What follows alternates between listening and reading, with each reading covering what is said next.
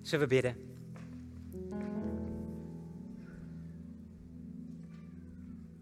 Heer, het is allemaal door uw genade. We zeiden het al, we bezongen het en we aanbidden u. De lucht die we ademen, de woorden die we mogen spreken, wat wij vandaag tot ons mogen nemen. Heer, het is omdat u het ons aanreikt uit genade. Dat wij zijn in u, in uw Zoon, de Heer Jezus Christus. Heer, u hebt het ons geschonken. En we mochten het aanvaarden. We mochten het ons laten overkomen. Heer Jezus, toen u voor ons tussen hemel en aarde hing. U bent het woord dat vlees geworden is. U hebt ons de grootheid van uw Vader getoond en we bidden, Heer, doe dat ook nu. Doet u dat ook vandaag. Heer, gaat u door uw Heilige Geest door onze harten. Langs iedere broer en zus. Langs elke zoeker die u nodig heeft. En doet u een machtig werk. Vorm ons naar u. Heren, we vragen het u uit genade. Zegen u, zegent u ons aan elkaar en zegent u uw woord als wij daaruit lezen. Uit genade. Amen. Amen. Nou, jullie zien het al waar ik uh, voor sta. Vorige week heb ik gezegd, we gaan twee weken met elkaar op uh, stedentrip. Toen hebben we gekeken naar Babel en eigenlijk gezien dat achter elke stad die hier op aarde is, Babel schuil kan gaan. Omdat in steden machthebbers zich toe-eigenen dat ze de regie in handen hebben, dat ze de controle hebben. Maar eigenlijk God ons door zijn woord heen laat zien, er is nog een machthebber tussen hemel en aarde, de vorst, de overste van deze wereld, die het tot het laatste Babel toe zal proberen om weg te roven uit de harten van alle mensen die vrede willen. Tegenover Babel, tegenover het geklets en het gepraat, waardoor dat volk verspreid raakte en uit elkaar geslagen werd, daartegenover staat Shalom. Jerusalem betekent de stad van de vrede. Weet je, daar houdt het geklets eindelijk op. Als ik soms hoor hoe nu gezinnen, kringen, families gescheurd kunnen worden, doordat er zoveel gepraat wordt en nog zo weinig geluisterd, dan weet ik, oh heren, we zien zo uit naar de dag dat het babbelen klaar zal zijn. Dat we het niet meer zelf hoeven te doen of van onszelf hoeven op te geven, maar dat we eindelijk mogen zeggen, nu zijn wij in de vrede die u ons hebt geschonken. En soms zit de Heer me stil. En dan zegt hij, Jacob jongen, met alles wat je vindt, als het aan jou had gelegen, was jij dan straks de eeuwigheid ingegaan? Had je mij gezien zoals ik ben? Had je die ontmoeting met mij zullen hebben als het aan jou had gelegen? Als je het soms zo goed weet. Lieve broers en zussen, ligt het aan ons dat de wereld gered zal worden van zichzelf? Dat iedereen die Jezus Christus aanklampt en zegt, hier ben ik Heer, wilt u me nu laten zwijgen van mezelf? Mijn eenheid weer gaan zoeken door mijn hart voor u bloot te leggen en te zeggen, Heer, ik heb geen reden om te klagen. Ik heb alleen nog maar een reden om te danken. Zodat God kan werken in je hart en kan zeggen, laat daar shalom komen. Laat daar mijn vrede komen. Laat mij jou ook weer aan je broers en zussen, aan je vader en je moeder, aan je partner en aan je kinderen geven. Zodat daar vrede komt. Oh, als God dat werk doet, dan komt Jeruzalem aan het licht. En daar gaan we naartoe. Ik laat jullie op de achtergrond zien hoe Jeruzalem er vandaag voor ligt.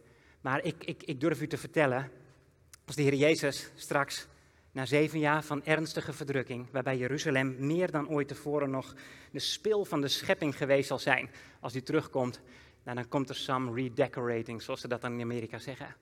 Dan, eh, dan gaat hij de zaak opnieuw inrichten. De koepel gaat vertrekken. Jezus' troon zal daar staan. Hij zal zijn tempel bouwen. En de volken zullen komen. En duizend jaar lang hier op aarde, in afwachting van een nieuwe hemel en een nieuwe aarde, zal Jeruzalem eindelijk Jeruzalem worden. Zoals God het heeft bedoeld.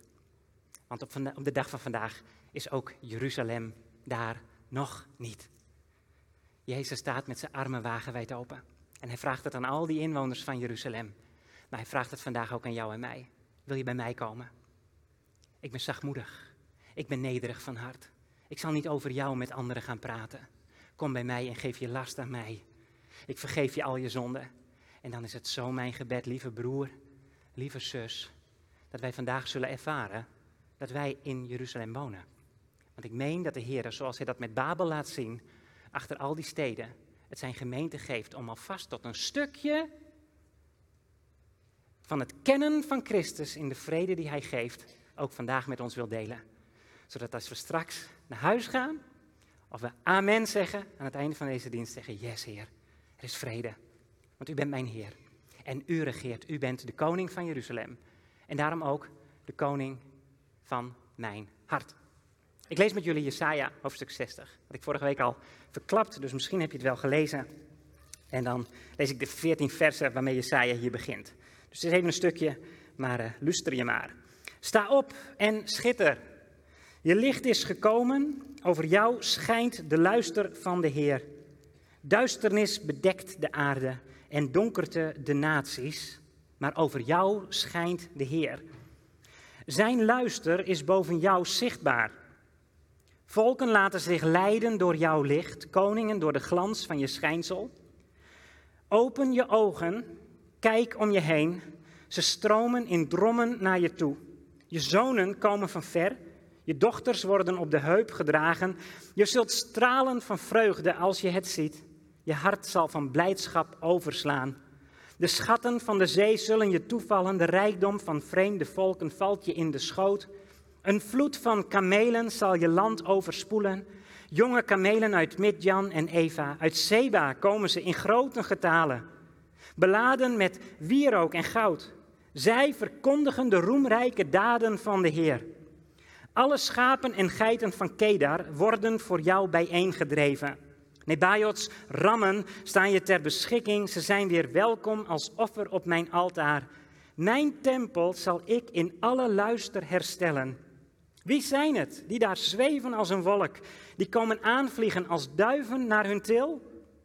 De kustlanden hebben hun hoop op mij gevestigd.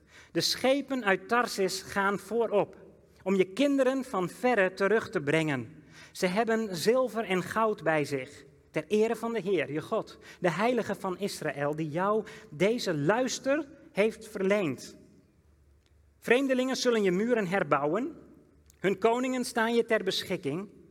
Ik heb je geslagen in mijn woede, in mijn mededogen zal ik me over je ontfermen. Je poorten zullen nooit gesloten worden, Dag en nacht zullen ze openstaan, zodat de rijkdom van vreemde volken kan binnenstromen met de koningen die worden meegevoerd. Elk volk of koninkrijk dat weigert jou te dienen, zal ten onder gaan. Al die volken zullen worden verdelgd en vernietigd. De luister van de Libanon, den, sneeuwbal en cipres, ze zullen bij je komen om mijn heiligdom luister bij te zetten. Zo eer ik de plaats waar mijn voeten rusten. Met gebogen hoofd zullen ze komen. De zonen van je onderdrukkers en iedereen die jou verachten, zal zich aan je voeten neerwerpen. Ze noemen je stad van de Heer, Sion van de Heilige van Israël. Tot zover deze woorden samen met jullie. Het eerste vers, sta op en schitter. Misschien, uh, misschien ken je dat vers wel. Uh, ik had gisteren een gesprek met mijn broer. Hij zei, waar ga je het morgen over hebben? Ik zei, ik ga morgen spreken over het thema sta op en schitter.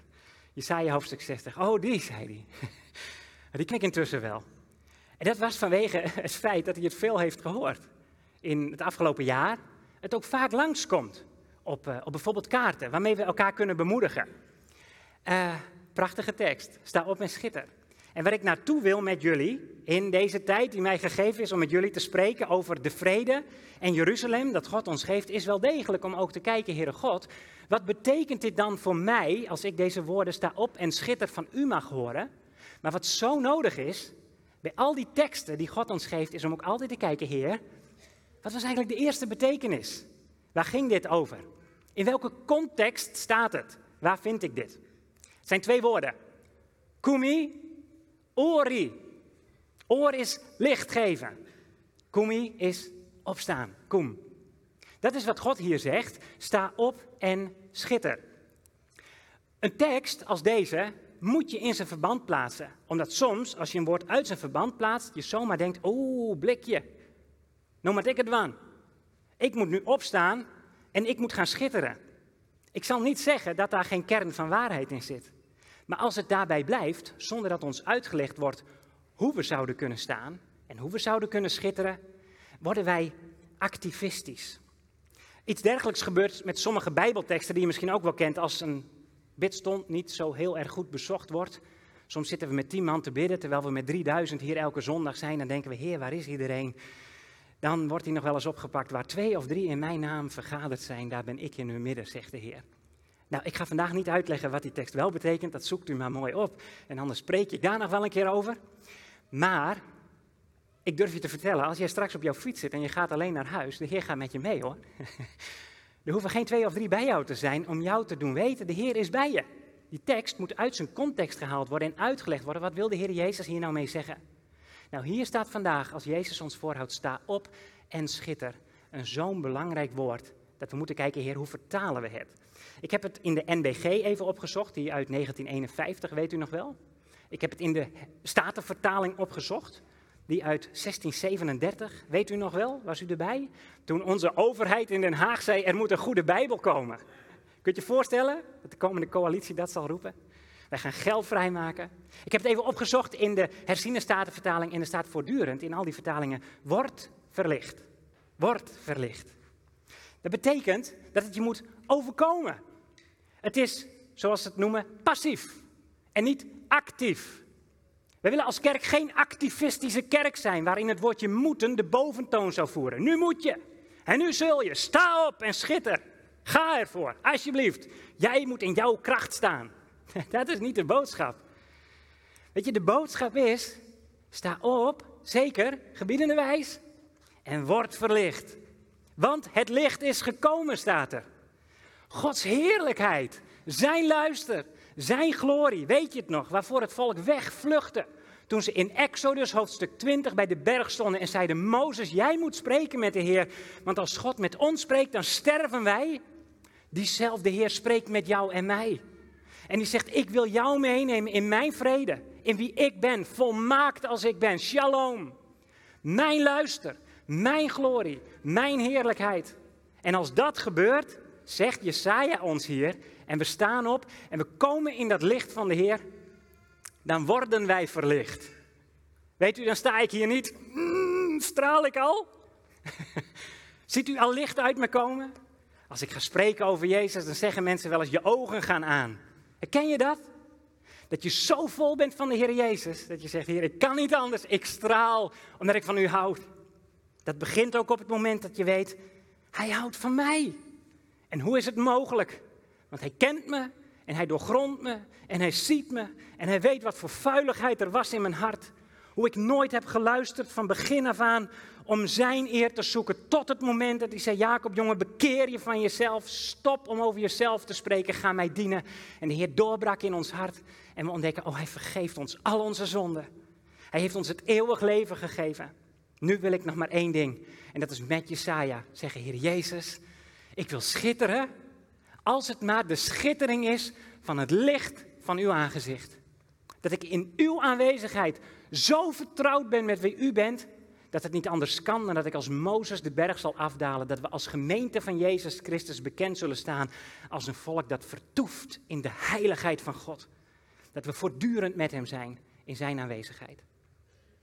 Niet onze activiteit, Zijn werk. We stonden erbij en we mochten het ontvangen van de Heer. En nu mogen we gaan getuigen van Hem. Nou, dat is wat Jezus ons hier zegt. Sta op, word verlicht. Want je licht is gekomen en de luister van de Heer is over jou geopenbaard. Ik heb, uh, ik heb iets meegenomen. Ik weet niet uh, of je het gaat doen. Uh, maar dit is, kijk, een lampion. Ziet u dat? Die heb ik een jaar of twee geleden, denk ik, vorig jaar voor het eerst, aangeschaft samen met Leonie bij onze tent. Daar zit boven in die lampion een zonnecollector. En nou is de vraag, nadat hij een paar weken weer in de kar gelegen heeft, of er nog iets uitkomt. Ja, zie je het? Hij geeft licht. Dit is wat ons s'avonds bijstaat in ons tentje. Ja, hier op de achtergrond zie je hem. Is, is net mooi, is net een plaatje. Zo kamperen wij. U ziet in het duister het tentje wat ernaast staat al niet meer, maar die is helemaal in stijl. En, en, en je ziet twee van die lampionnetjes hangen en je ziet een paar vaccinelichtjes op tafel staan. De rest is donker. Wat duisternis doet, Jesaja spreekt hier over, de wereld is gevangen in duisternis. Die heeft het nodig dat ze, dat ze licht ziet. Wie kan mij een lichtpuntje geven? Wie kan mij hoop bieden? Wie kan mij bemoedigen? Wie kan mij troosten? Weet je, als je op de camping bent en je bent s'nachts even naar het toilet geweest om een uur of drie en alles is aardedonker, dan weet je, maar daar woon ik. Dat is niet Brabant, want daar brandt nog licht. Dat is onze tent en daar brandt nog licht. Want deze lampjes, ik zei al, ik weet niet hoe lang ze het zullen doen. Want ze hebben twee weken in het duister gelegen. Maar als die een dag lang in de zon hebben gehangen, dan kan ik ochtends om vijf uur mijn tent uitgaan en dan branden die lampen nog. Weet je, dat zonnecollectortje op zo'n lamp, die doet overdag wat hij moet doen om in de aanwezigheid van het zonlicht voldoende inspiratie te krijgen om als de nacht komt te kunnen stralen en mensen te roepen met dat kleine lichtje wat het maar is, om te zeggen, hier is een thuis, hier is veiligheid en hier ben je welkom. Met het leven van een kind van de Heer Jezus is het niet anders. De Heer Jezus vraagt van ons, wil jij stralen? Dan zul je voortdurend in mijn licht moeten zijn. Dan zul je aan mijn boezem moeten komen. Dan zul je moeten luisteren naar mijn stem. Dan zul je moeten horen wie ik ben. Jeruzalem had die taak gekregen van God. Jeruzalem, de stad van David. David heeft de stad mogen veroveren van het vijandige volk dat God tegenstond. En het is de stad van David en de stad van Israël geworden. Zoals ik zei, het betekent niets minder dan de stad van de vrede.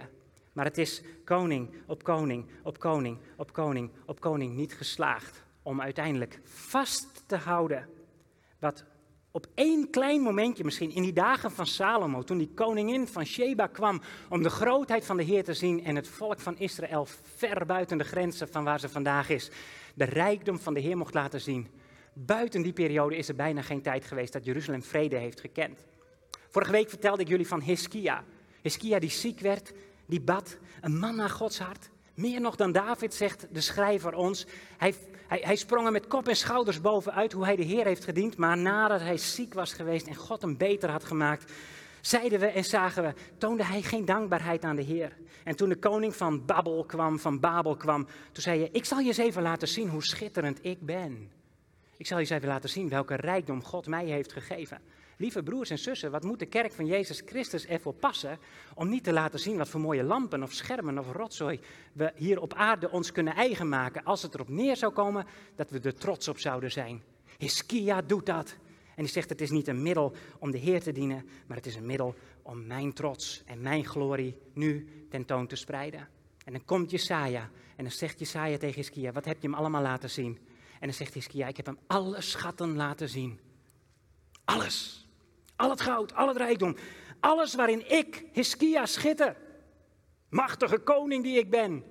En Jezaja zegt, Hiskia, over honderd jaar zal er geen steen meer op de ander staan. Van heel dat machtige tempelcomplex. De schatten zullen weggeroofd worden. En Jeruzalem zal vernietigd worden. En het meest gruwelijke antwoord wat je je kunt bedenken is wat Hiskia zegt. Oké, nou, dan duurt het mijn tijd in elk geval nog. Want dan is het na mij. Na mij de zondvloed. Na mij de ellende. Ik zal het niet meer meemaken.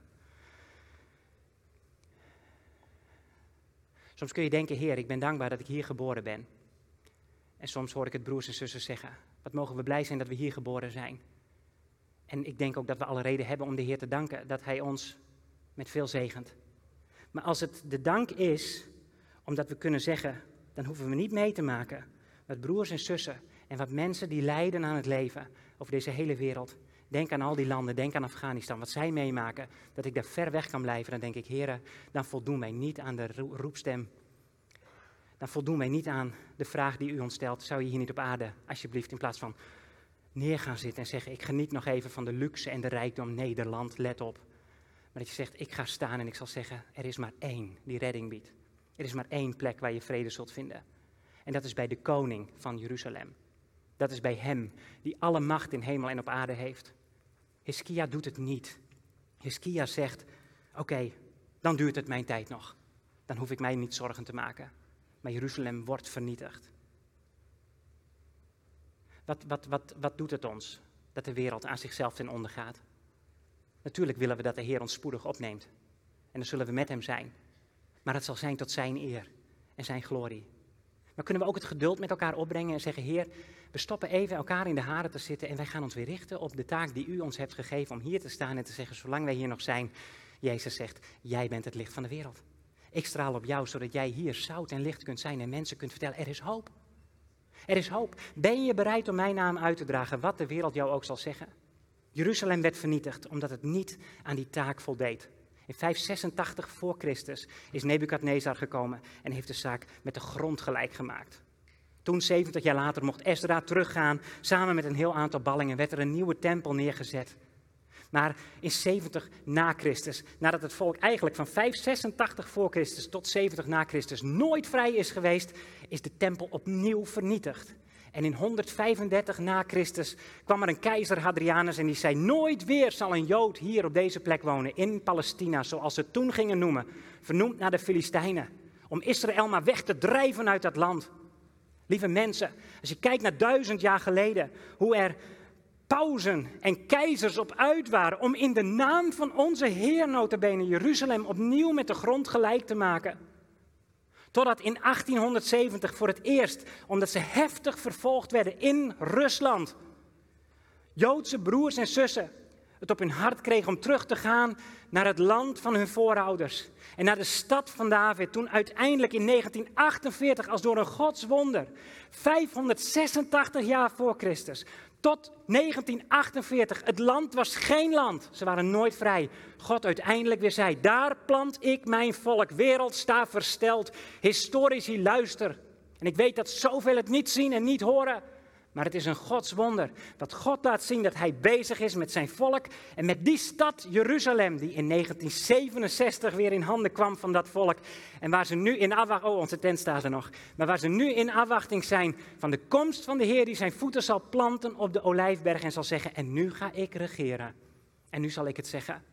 Weet je, als dan uiteindelijk Jesaja hier profeteert, ze zullen komen van ver al je dochters, al je zonen, ze zullen hun kinderen op de heupen dragen. Ze komen met hun schatten. Je zult blij zijn. Weet je, dan ben ik al niet meer bij die vraag: Oh Heer, ging dit nou over mij? Was ik het? Voor wie al die volken zullen komen om op hun knieën te vallen en te geven wat daar staat beschreven? Nee, lieve broers en zussen, dat gaat over die stad. Dat gaat over de koning van die stad. Dat gaat over de Heer Jezus. De volken zullen komen en ze zullen Hem aanbidden. Dat Jeruzalem is zichtbaar geworden in die herstelwerkzaamheden die God door de eeuwen heen heeft gedaan. Dat Hij laat zien door de geschiedenis heen, je kunt niet om Jeruzalem heen. Waarom is er vandaag zoveel om Jeruzalem te doen? Let maar op, God komt tot zijn bestemming.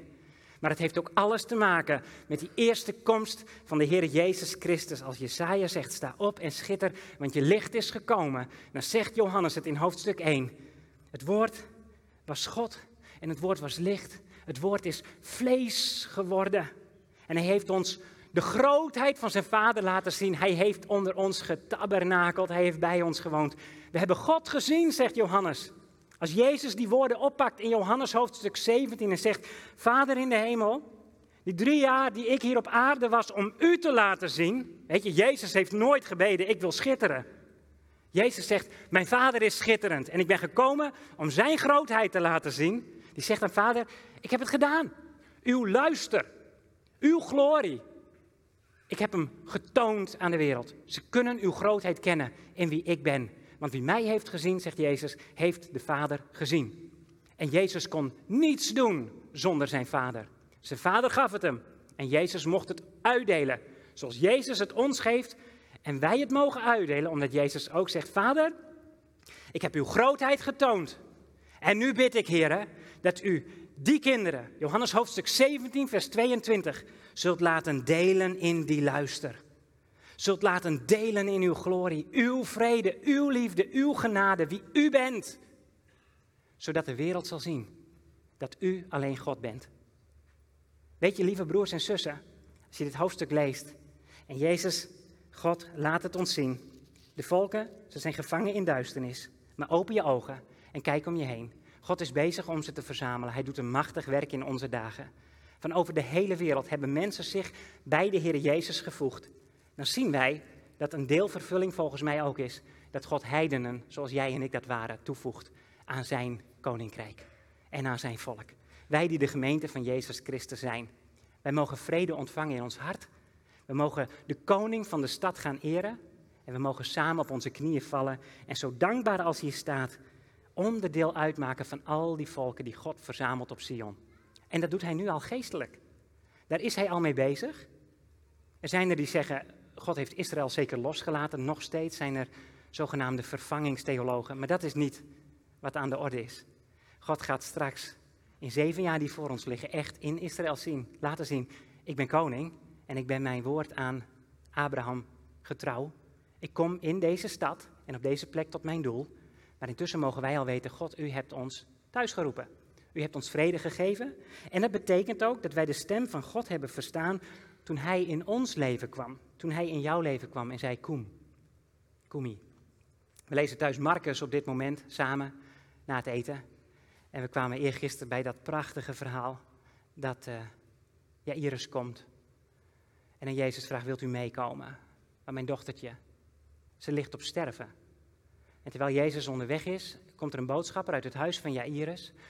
En die zegt, ze is al gestorven. Je hoeft de meester niet langer lastig te vallen. En Jezus zegt, nee, ze slaapt. Ze slaapt. Neem me mee. En hij neemt Johannes, Jacobus en Petrus mee. En de ouders van het meisje. Wat is dat liefdevol. En ze komen in de kamer van het meisje waar ze is overleden. Ze stierf door haar ziekte. Maar Jezus zag het terecht. Ik sta boven de dood. En wat zij meemaakt is een zieleslaap waaruit ik haar wakker ga maken. O lieve broer en lieve zus, als God vandaag tegen jou zegt, sta op en schitter, word verlicht. Weet dan dat de Heer Jezus vanochtend al bij jou in jouw slaapkamer was. En naar jou keek en zei, ik heb je teruggeroepen uit de dood. Je was dood door je zonden en door je overtredingen. Maar tegen ons heeft Jezus gezegd, Koemi, mijn meisje, mijn dochter, sta op. Ik roep je terug uit de dood. Mijn lieve zoon, kerel, sta op. Ga weer staan en leer mij kennen. In al mijn goedheid, in al mijn waarheid. Ga met mij op weg. En als dat gebeurt, als wij als kinderen van de Heer Jezus Christus gewoon ochtends wakker worden en zeggen: O Heer, ik sta weer op, want u hebt mij laten opstaan uit de dood toen u stierf in mijn plaats en ik u mocht leren kennen in de vergeving van mijn zonden. Dan worden wij als die volken die met al die, al die geschenken komen. Heb je het gezien? Kamelen, rammen, goud, zilver, ik weet het niet, ik heb het allemaal niet. Maar wat ik heb, Heere God, de talenten die u mij hebt geschonken, hier zijn ze. Ik leg alles aan uw voeten. Want u hebt mij teruggeroepen uit de dood en dat ging niet zomaar. U bent mijn dood gestorven. U bent voor mij door de hel gegaan. Ik wil alleen nog maar praten over u. Ik wil stoppen om over mezelf te spreken en ik wil op u gaan wijzen en gaan zeggen: mensen, ik kan nog maar over één iemand praten. En dat is Jezus Christus. En hij mag alles van me hebben. Dat we zeggen, Heere God, hier ben ik met heel mijn leven.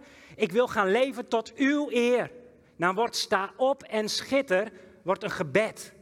Heere God, ik wil dat u aan het licht komt. En dan als Jezus komt en hij maakt je vrij van jezelf, want jij hoeft niet te schitteren, maar hij wil schitteren door ons heen, zegt hij, oh ja, is dit je verlangen? Dat de mensen die om jou heen leven een stukje vrede en liefde ontvangen? Dat ze mij gaan leren kennen? Dat ik ga schitteren in je leven? Dien me dan met heel je hart. Kom eerst bij me, Talita. Kom bij me, dochter, zoon. En gooi je hart bloot. Vertel me van al je pijn. Vertel me van al je moeite. En ik weet wat je is aangedaan. En ik zal spreken met degene die het je heeft aangedaan. Maar kom ook met je eigen zonde. Kom met die momenten dat je dacht, nu moet ik me stilhouden, want als ze het wisten, dan ging ik af en dan hoefden ze me nooit weer. Kom bij mij, zegt Jezus, en leg die last af, beleid ook je zonde. Wil je echt dat ik schitter? Wil je echt vrede in je hart? Wil je onderdeel zijn van dat Jeruzalem waar ik nu al mee bezig ben, wat ik straks zal voltooien als ik regeer? Ga dan luisteren naar mijn stem. Maak het dan goed. Ga dan naar je geliefde toe en zeg vergeef me.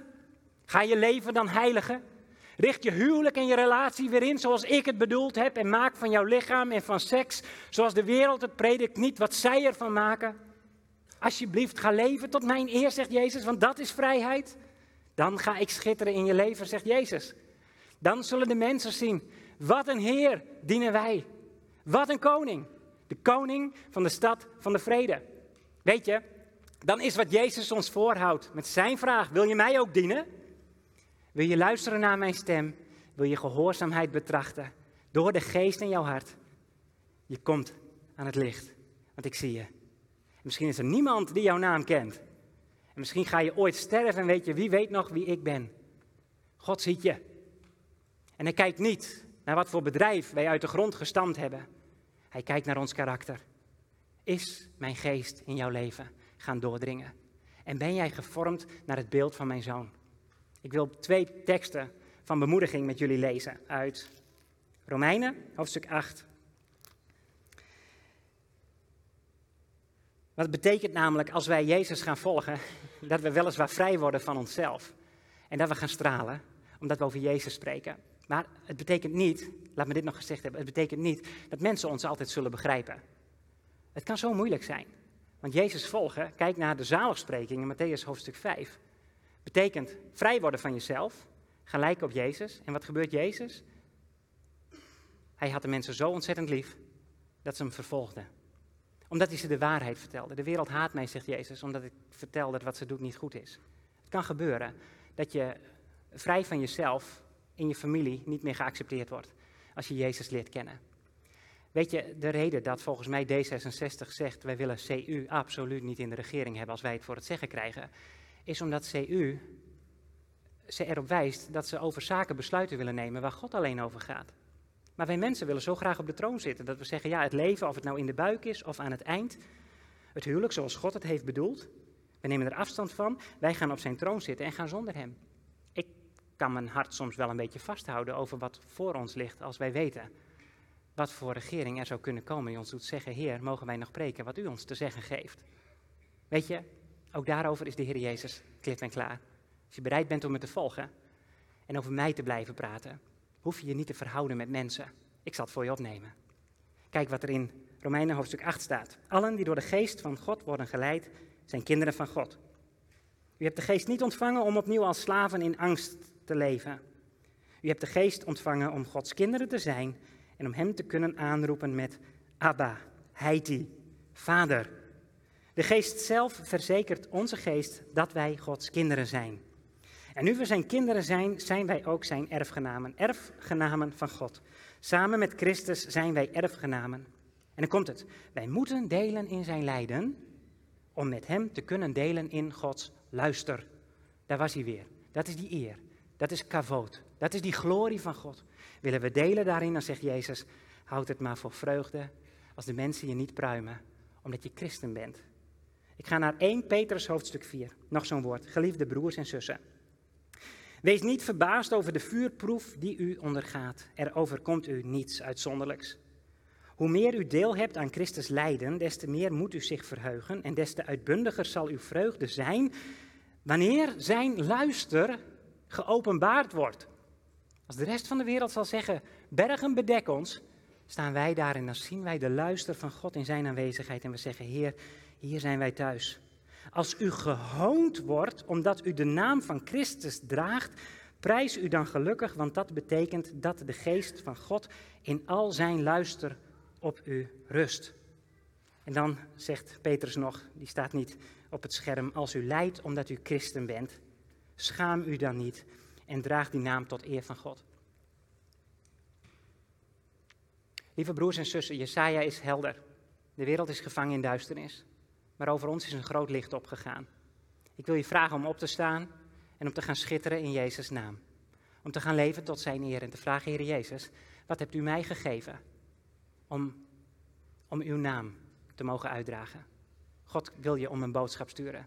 Ik werd ooit door mijn vader om stokbrood erop uitgestuurd op de camping. Ik was vijf jaar en ik was zo trots dat mijn vader zei, wil jij het stokbrood halen? En ik ging met die Franse Franks naar de balie toe. Ik zei, un pain. En ze keken me aan.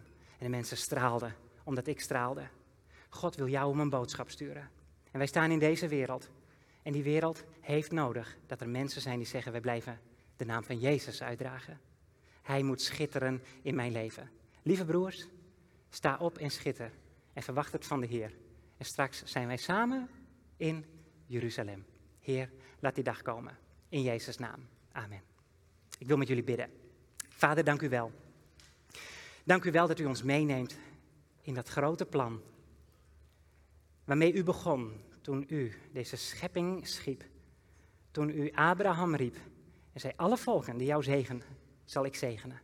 Alle volken die jou vervloeken, zal ik vervloeken. Heere God, dat wij zien dat tot op de dag van vandaag u uw hand op Jeruzalem houdt waar u straks uw glorie zult openbaren. We bidden omwille van uw naam, kom spoedig. En we bidden omwille van uw naam, heb geduld. Want wat wij zullen bidden, Heer, weten wij niet altijd. Maar u komt tot uw bestemming. En ik wil u bidden voor mijn broers en zussen in dit huis.